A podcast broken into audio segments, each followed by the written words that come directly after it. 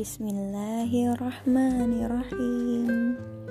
Kembali lagi Bu Mamila di sini. Hari ini Petikan Blueberry akan membahas tentang homeschooling lagi dari kelas tulis Tiwa, Rumah Belajar Keluarga Muslim. Kali ini dengan subjudul Mengapa memilih homeschooling? Hmm, itu mimpi saya 8 tahun yang lalu. Ya, memulai homeschooling atau sekolah berbasis keluarga rasanya seperti mimpi.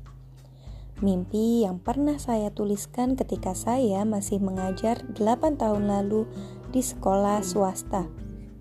Saat itu saya terheran-heran dengan keputusan beberapa orang tua yang mengambil langkah untuk memulai homeschooling yang saat itu masih asing.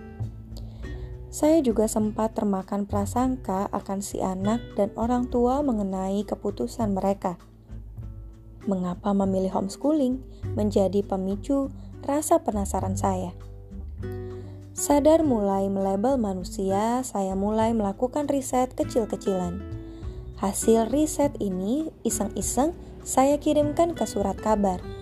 Dan alhamdulillah ini menjadi tulisan pertama saya yang dimuat Jakarta Post. Mirza Miranti, Jakarta. Why parents opt for homeschooling?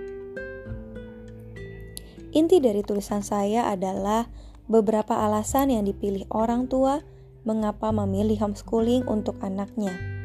Dan tahukah Anda, sebenarnya kesemuanya itu juga menjadi alasan saya. Berikut daftarnya. 1 Homeschooling adalah tempat yang tepat untuk menanamkan nilai agama dan tauhid.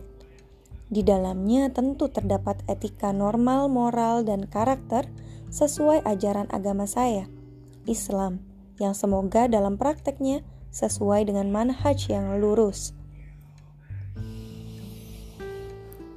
Merekatkan keluarga betapa tidak, kami akan bersama 24 jam sehari, 7 hari seminggu Ketiga, bebas memilih dan mendesain kurikulum yang kami mau. Ini tentunya tidak bisa dengan bebas kita pilih di sekolah mana pun karena keinginan setiap orang tua berbeda. Saya ingin integrasi Islam dalam pembelajaran anak-anak saya. 4. Homeschooling merupakan memberikan kesempatan untuk melaksanakan, memonitor, dan mengevaluasi pembelajaran yang tepat untuk anak sendiri. 5. Memberikan lingkungan yang sesuai untuk dicontoh, terutama hingga masa SD selesai. Tapi ini bukan berarti tidak bergaul.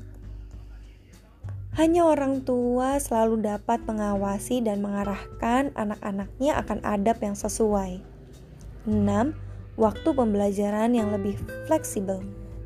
7. Memanfaatkan segala sumber belajar yang sangat dekat hubungannya dengan anak. Itu keinginan saya 8 tahun lalu. Saat ini, keinginan itu telah berkembang setelah mengalami perjalanan hidup sebagai pengajar di beberapa sekolah. Bersentuhan dengan beragam sistem sekolah membuat saya takut bahwa sistem yang saya pilih tidak menjadikan anak saya menjadi pribadi yang utuh. Bagaimana akhir bentuk perkembangan itu? Tunggu tulisan saya berikutnya ya. Insya Allah. Sekian dari saya Bu Mamila membacakan tulisan di kelas tulis tiwa rumah belajar keluarga muslim. Semoga kita semua yang membaca dan mendengar dapat memetik manfaatnya. Wassalamualaikum warahmatullahi wabarakatuh.